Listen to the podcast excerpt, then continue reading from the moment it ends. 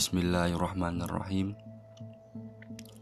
Kali ini saya akan bercerita tentang kisah Syekh Abdul Qadir Al-Jailani. Suatu ketika, tepatnya di hari Arafah, pemuda Abdul Qadir Al-Jailani hendak membajak ladangnya dengan seekor lembu. Namun, sungguh di luar dugaan, binatang tersebut tiba-tiba menoleh dan menatap pemuda itu. Kemudian berbicara layaknya manusia. Wahai Abdul Qadir, engkau tidak dijadikan untuk ini dan tidak diperintahkan mengerjakan ini. Pemuda itu sangat terkejut mendapat teguran seperti itu. Apalagi dari seekor binatang yang tiba-tiba saja dapat berbicara seperti manusia. Abdul Qadir segera pulang dan setibanya di rumah, ia langsung naik ke atas sutut atau loteng. Dan dari atas sana, ia dapat melihat banyak orang yang sedang melakukan wukuf di padang Arafah. Hati pemuda itu jadi tergugah, dan ia pun bergegas menemui, menemui sang ibu untuk menyampaikan isi hatinya. Ibu, serahkan aku kepada Allah dan izinkanlah aku pergi ke Baghdad untuk belajar serta berziarah kepada orang-orang soleh. Ibu pun menjawab, Wahai anakku, kenapa engkau berkata demikian? Tanya sang ibu yang sudah tua dan agak terkejut. Abdul Qadir menceritakan peristiwa aneh yang baru saja ia alami, sehingga membuat sang ibu menangis karena terharu. Kemudian, Fatimah yang telah berusia lanjut itu mengambil harta warisan dari suaminya, yakni ayah Abdul Qadir. Warisan berupa uang sejumlah 80 dinar itu selanjutnya dibagi dua, yakni 40 dinar untuk Abdul Qadir dan 40 dinar lain untuk saudaranya. Kemudian, sang ibu membuat saku untuk tempat menyimpan uang tersebut di bawah ketiak pada baju yang akan dipakai oleh putranya.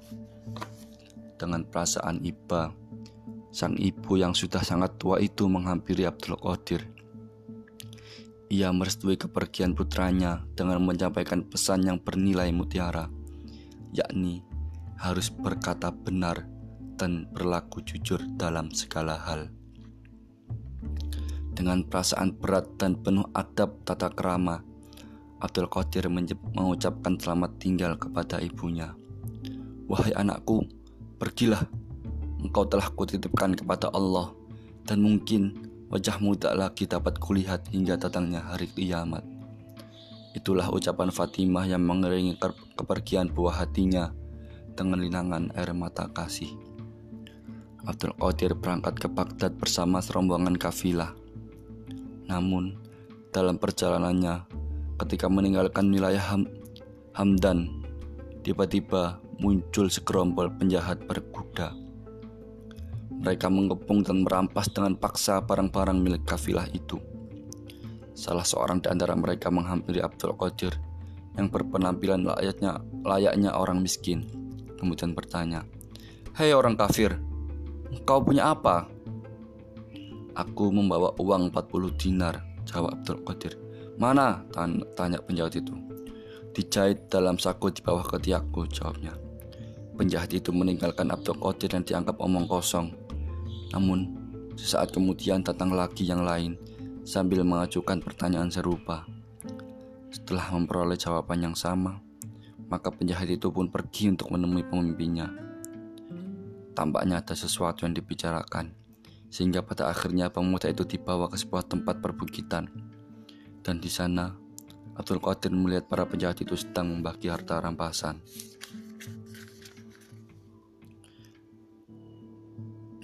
Kemudian ia dihadapkan kepada pemimpin mereka. Apa yang kau bawa? Tanya sang pemimpin. Aku membawa uang 40 dinar, jawab Abdul Qadir. Di mana? Tanya sang pemimpin. Dijahit dalam saku di bawah ketiakku, jawabnya. Orang itu segera menggeledah dan benarlah ia menemukan uang sejumlah 40 dinar.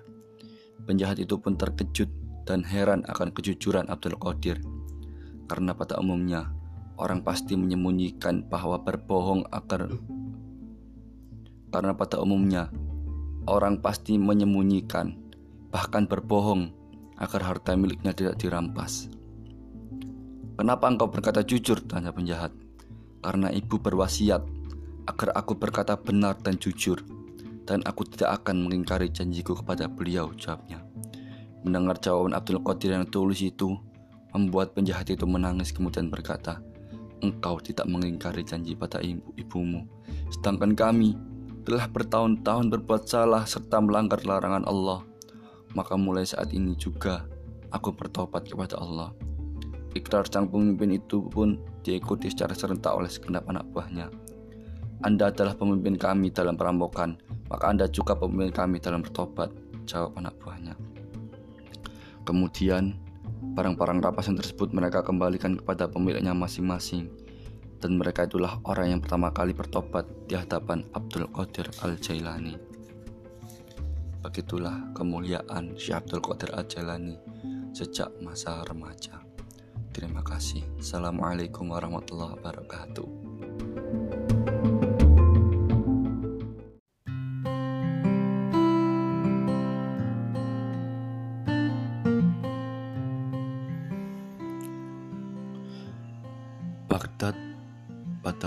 Waktu itu telah menjadi kota, kota pusat pengkajian.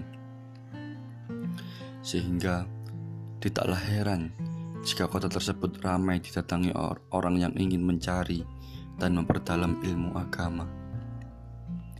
Hal itulah yang mendorong Abdul Qadir untuk menimbah ilmu di sana. Meskipun harus mengalami berbagai kesulitan, namun tidak mengendorkan semangatnya.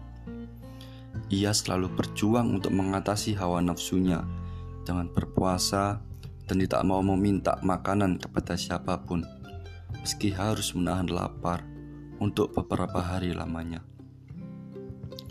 Abdul Qadir ingin berguru kepada orang-orang sufi yang ada di sana. Dan di dalam perjalanannya, perjalanannya akhirnya beliau bertemu dengan seorang penjual kain serbet bernama Hamad. Keinginan Abdul Qadir terpenuhi atas hidayah Allah Subhanahu taala. Ternyata Hamad si penjual serbet itu adalah seorang waliullah yang besar pada masanya. Secara bertahap, wali tersebut memberikan bimbingan kepada murid barunya dalam masalah Toriqoh Sufiyah. Bimbingan Hamad memang cukup keras, namun Abdul Qadir menganggapnya hal yang biasa untuk membetulkan kerusakan yang ada pada dirinya. Setelah menyelesaikan masa pengkajian, Abdul Qadir terus mengamalkan ilmu dari sang guru, menyesuaikan diri sebagaimana orang-orang sufi yang bertoriqah, menjauhkan diri dari segala kebutuhan dan kemewahan hidup, kecuali hal-hal yang sangat diperlukan. Dan cara itu dianggap sangat tepat untuk menghindarkan diri dari pengaruh masyarakat yang semakin bobrok. Memang, Ketika itu, kehidupan masyarakat hampir di semua negara, Arab mengalami kemerosotan. Umat Islam kebanyakan telah sengaja meninggalkan syariat Islam. Mereka mengaku Islam, namun perilakunya sangat bertentangan dengan ajaran agama. Kecenderungan hidup mewah dan bebas sangat kuat mempengaruhi jiwa mereka, sehingga yang dicari hanyalah kepuasan lahiriah yang hanya sesaat tanpa berpikir akan akibat di kemudian hari.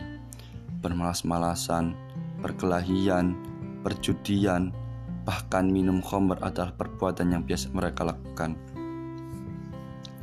Abdul Qadir Jailani menjauhkan diri dari lingkungan kehidupan masyarakat yang mementingkan diri sendiri dengan mengumbarkan hawa nafsunya. Ia mengembara dengan penuh keprihatinan dan terus munajat ke hadirat Allah SWT sehingga badannya tampak semakin kurus karena puasa dan jarang tidur. Pada suatu hari, Abdul Qadir duduk di sebuah tempat sambil menahan lapar karena telah beberapa hari perutnya tak terisi makanan dan minuman. Tiba-tiba, seseorang laki-laki datang menghampiri untuk memberi sepundi uang. Dan sesaat setelah orang itu pergi, Abdul Qadir segera mengambil satu dirham dari uang pemberian itu untuk membeli roti. Namun ketika hendak memakan roti tersebut, tiba-tiba suatu keanehan kembali terjadi. Sepucuk surat melayang dan jatuh ke pangkuannya tanpa diketahui siapa yang mengirim. Abdul Qadir membuka dan membaca isi surat misterius itu dan ia tampak tercenung beberapa saat lamanya. Setelah memahami isi dan makna dan maknanya, ia segera meninggalkan roti dan pundi uang itu. Abdul Qadir berdiri menghadap kiblat untuk mengerjakan sholat dua rakaat. Kemudian berdoa kepada Allah Subhanahu wa taala untuk mohon diberi kemampuan serta taufik dan hidayahnya. Abdul Qadir terus melanjutkan perjalanannya di negeri Irak. Hingga pada suatu hari bertemu dengan seorang laki-laki yang belum pernah ia kenal. Keduanya cepat akrab sebagaimana seorang sahabat. Dan setelah melalui beberapa pembicaraan, akhirnya Abdul Qadir dapat mengetahui bahwa orang yang berada di hadapannya adalah seorang nabi, yakni Nabiullah Khidir alaihissalam. Pada suatu hari, ketika Nabi Khidir hendak pergi, ia berpesan kepada Abdul Qadir yang isinya agar ia tidak meninggalkan tempat itu sebelum Khidir datang menjenguk. Abdul Qadir Jailani berjanji untuk tetap berada di tempat itu dengan setia. Maka terbentuklah sebuah ikatan perjanjian yang tak tertulis, namun saling menjaga agar tak ternoda. Setahun kemudian Nabi Khidir datang sesuai janjinya dan Abdul Qadir juga telah membuktikan kesetiaannya. Kedua sahabat itu berpelukan untuk melepaskan rasa rindunya Kemudian mereka terlibat dalam pembicaraan yang sangat serius dan mengasyikkan. Setelah pertemuan tersebut dirasa cukup, maka Khidir berpamitan dengan membuat perjanjian lagi kepada Abdul Qadir. Demikianlah perjanjian itu mereka buat dan selalu ditepati sebagaimana semula dan berlangsung hingga tiga kali. Bahkan selanjutnya mereka selalu bertemu pada setiap tahun. Selama ditinggal Nabi Khidir, Abdul Qadir Jailani tidak pernah sepi dari berbagai godaan yang dapat melunturkan iman. Mereka datang silih berganti dengan membawa berbagai bentuk kelezatan dunia. Namun, semua itu dihadapinya dengan tabah dan sabar serta meningkatkan ketakwaannya kepada Allah SWT. Abdul Qadir Jailani selalu menjaga diri agar tetap dalam keadaan suci, baik lahir maupun batin.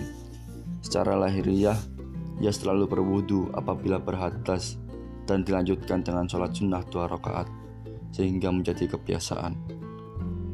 Abdul Qadir melaksanakan sholat subuh dengan menggunakan wudhu sholat isya. Waktunya digunakan untuk sholat dan membaca Al-Quran. Bahkan ia sempat membaca seluruh ayat-ayatnya dalam waktu semalam saja. Secara batiniah, ia senantiasa takarub lillahi wa rasulillah dengan melumpuhkan berbagai pengaruh hawa nafsu terutama nafsu ananiyah atau keakuan. Abu Abdullah Muhammad bin Abdul Fattah al-Harawi menceritakan Abdul Qadir mengembara di hutan sementara. Abdul Qadir mengembara di hutan belantara selama 10 tahun tanpa berbicara sepatah kata pun. Dan selama 40 tahun ia tidak pernah tidur malam. Bahkan setelah mengerjakan sholat subuh yang langsung mengkhatamkan Al-Quran. Selama 40 hari ia menjauhi makanan dan minuman Sampai pada suatu saat Syekh Abu Sa'id Al-Mukarrim datang untuk menghentikannya. Sudah menjadi kebiasaan bagi Abdul Qadir dengan memperbanyak sholat sunnah di setiap waktunya dan malam harinya membaca surat Al-Mujamil, Ar-Rahman, Al-Ikhlas 100 kali dan membaca Asmaul Husna 660 kali. Setelah mengerjakan sholat wajib, langsung membaca Al-Quran dan sholawat kepada Rasulullah sebanyak seribu kali. Sesuai sholat duhur dan asar, membaca memanjatkan doa pedang. Itulah sebabnya Abdul Qadir dikaruniai suatu keistimewaan tersendiri. Ia dapat melihat sesuatu yang tak dapat dilihat oleh mata orang biasa, termasuk mengetahui isi hati seseorang. Sehingga dengan kemampuannya itulah membuat banyak orang yang tertarik dan ingin tahu lebih dekat, bahkan tidak sedikit yang ingin berguru kepadanya. Demikianlah lanjutan dari kisah Syekh Abdul Qadir Al-Jailani. Terima kasih.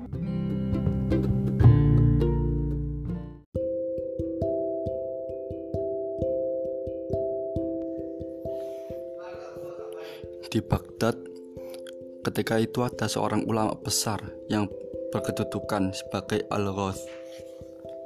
Banyak orang yang menceritakan bahwa waliullah tersebut terkadang berada di tengah-tengah masyarakat dan terkadang pula menghilang tiada orang yang tahu ke mana perginya. Abdul Qadir bersama Abu Said Abdullah dan Ibn Ashiqa ingin berziarah kepada sang waliullah yang termasyur itu.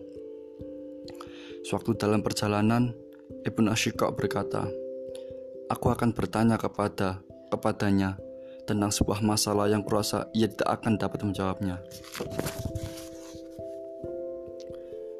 Abu Said menjawab, Aku juga akan menanyakan sebuah masalah, tapi aku menunggu apa yang akan dikatakannya. Abdul Qadir Jailani pun berkata, Aku berlindung kepada Allah dari suatu pertanyaan. Aku hanya menanti berkah dari pandangannya. Ketika mereka bertiga telah sampai ke tempat tinggal Al-Ghoth, tak seorang pun yang dijumpainya.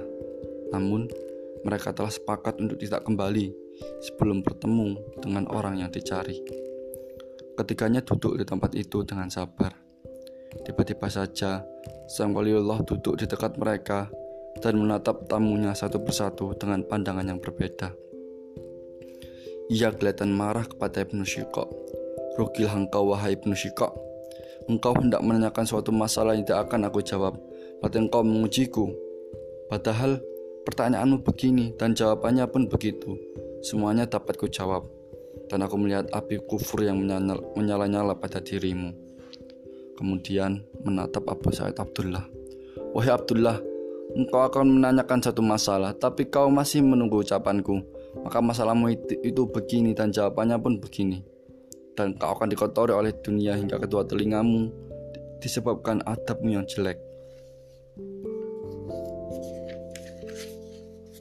Selanjutnya, Al-Ghath menatap Abdul Qadir Jailani dengan pandangan memuliakan sambil berkata, Wahai Abdul Qadir, sesungguhnya engkau telah ridho kepada Allah dan Rasulnya karena adabmu.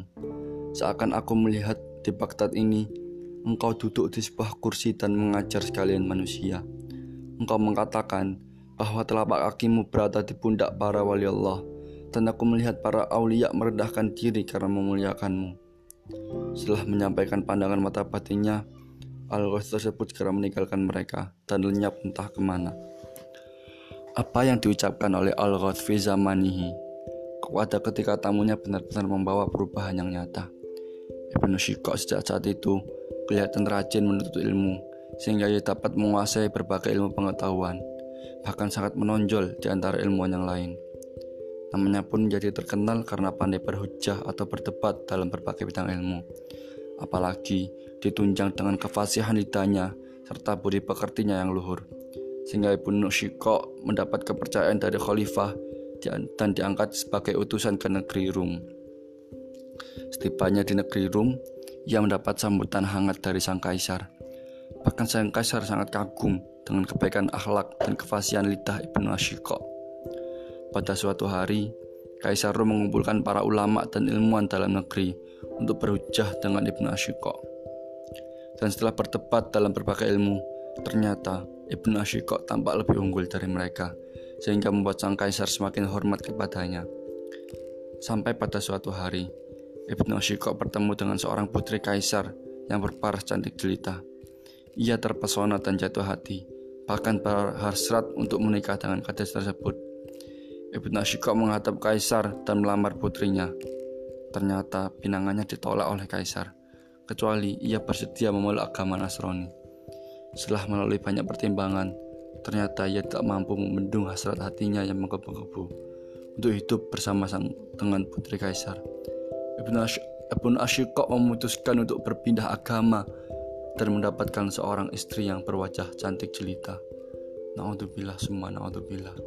Akhirnya ia menikah dengan putri tersebut dan men menjadi seorang Nasrani. Semoga Allah tetap menetapkan iman kita hingga yaumul akhir. Peristiwa itu merupakan bukti nyata dan ketajaman ucapan seorang Ghoth zaman radhiyallahu an. Ibnu Ashiqa telah terjerumus akibat suul adab kepada beliau dan merasa lebih tinggi dan pandai daripada orang lain. Rugilah engkau, wahai penuh dan aku melihat api kufur yang menyala pada dirimu. Demikianlah doa al yang selalu terngiang di telinga. Adapun Abu Sa'id Abdullah berada di Damaskus dan mendapat tugas dari Sultan Nuruddin Asyahid untuk mengurus dan menjaga seluruh harta wakaf, sehingga ia sangat sibuk dengan urusan duniawi. Itulah yang dimaksud oleh Al-Ghath, bahwa kehidupan Abu Sa'id dikotori dengan dunia hingga kedua telinganya akibat keburukan adabnya. Sedangkan Abdul Qadir Jailani semakin terkenal ke seluruh penjuru dunia sebagaimana yang diucapkan Al-Ghath ketika itu bahwa ia akan dimuliakan para aulia dan tentu saja hal itu terjadi sepeninggal Al-Ghath fi zamanihi. Syekh Abdul Qadir Jailani radhiyallahu an menduduki kedudukan tersebut. Begitulah kisah tentang pentingnya adab dari seseorang yang berilmu. Terima kasih.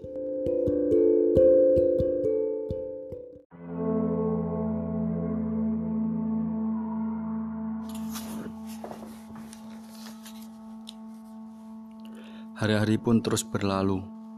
Perhatian masyarakat semakin tertuju kepada pribadi Abdul Qadir. Terlebih-lebih para ulama dan ilmuwan di kawasan Irak dan sekitarnya. Mereka sangat penasaran dan ingin tahu akan kemampuan orang-orang yang disebut waliullah. Suatu ketika, para ulama dan ilmuwan sejumlah 100 orang berkumpul di sebuah tempat. Mereka berunding untuk menguji pengetahuan Abdul Qadir dengan keahliannya masing-masing. Sejumlah masalah telah mereka siapkan untuk dikemukakan kepadanya. Selanjutnya, ke seratus orang itu berduyun-duyun datang pada Syekh Abdul Qadir Al-Jailani di sebuah majelis. Syekh Abdul Qadir Al-Jailani radhiyallahu an mengetahui akan maksud kedatangan para tamunya. Sang wali sekarang menundukkan kepalanya memohon pertolongan Allah Subhanahu wa taala. Dan seketika itu juga Suasana yang semula tenang berubah menjadi ramai. Keseratus orang itu tampak gelisah seperti anak kecil yang tidak kerasan berada di sebuah tempat. Dan tatkala perhatian, perhatian mereka tertuju ke arah Abdul Qadir, tiba-tiba dada sang waliullah mengeluarkan kilat yang menyilaukan mata. Cahayanya menerobos ke setiap dada tamu-tamu itu, dan spontan tubuh mereka gemetar ketakutan dengan wajah pusat pasi sehingga hilang lenyaplah semua masalah yang telah disiapkan sebelumnya. Bahkan yang lebih parah lagi, mereka bagai orang kesurupan yang lupa diri.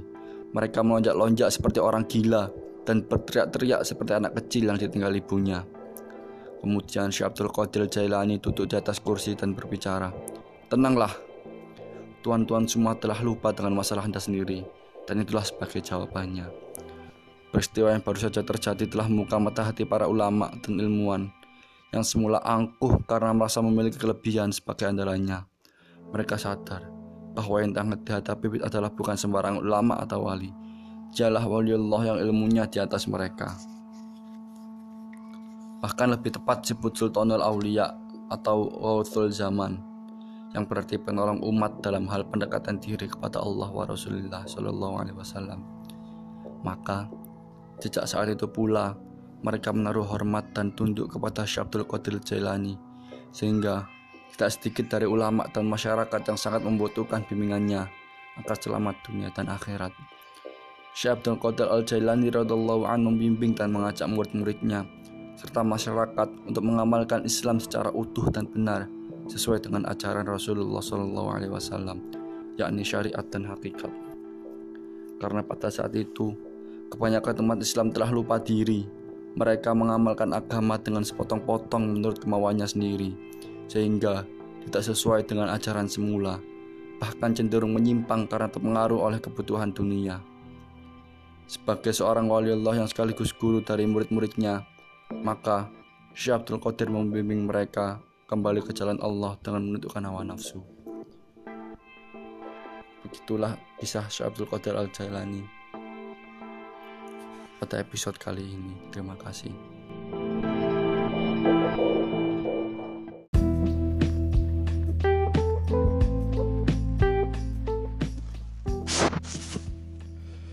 Diriwayatkan bahwa pada suatu hari angin bertiup kencang dan ketika Syabdul Qadir tengah mengajar murid-muridnya. Tiba-tiba melintas di angkasa seekor burung elang dengan berkoar-koar. Suaranya yang keras sempat mengganggu mereka yang sedang belajar dalam majelis itu.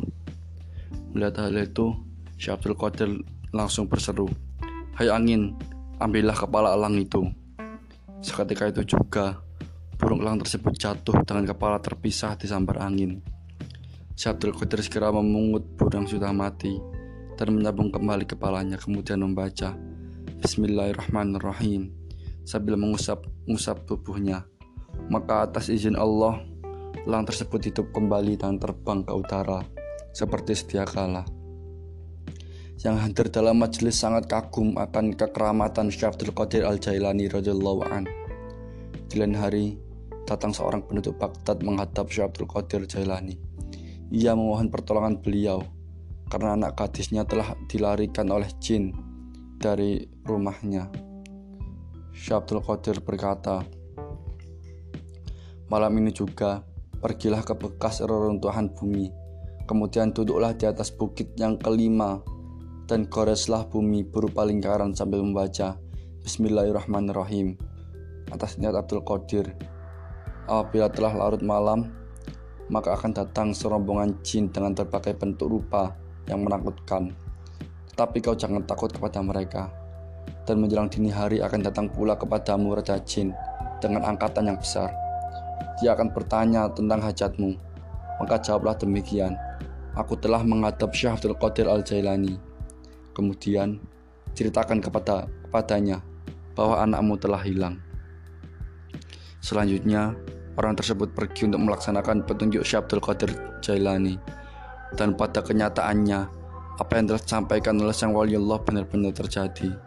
Serombongan jin yang menakutkan datang menghampirinya, namun mereka tidak berani memasuki lingkaran yang melindungi laki-laki itu. Raja Jin bertanya, Wahai manusia, apa maksudmu datang ke tempat ini? Laki-laki itu menjawab, Aku telah menghadap Syekh Abdul Qadir Al-Jailani dan diperintahkannya untuk datang ke, ke tempat ini. Kemudian diceritakannya tentang anaknya yang telah hilang. Mendengar nama Syekh Abdul Qadir Al-Jailani, maka dengan segera Raja Jin itu turun dari punggung kudanya dan langsung bersujud ke bumi. Kemudian sang raja memerintahkan kepada anak, anak buahnya untuk mengembalikan anak gadis tersebut kepada orang tuanya. Adapun sebab terjadinya penculikan itu karena ada salah satu jin yang jatuh cinta kepada anak gadis tersebut dan men yang menculiknya adalah bangsa jin yang tinggal di negeri Cina.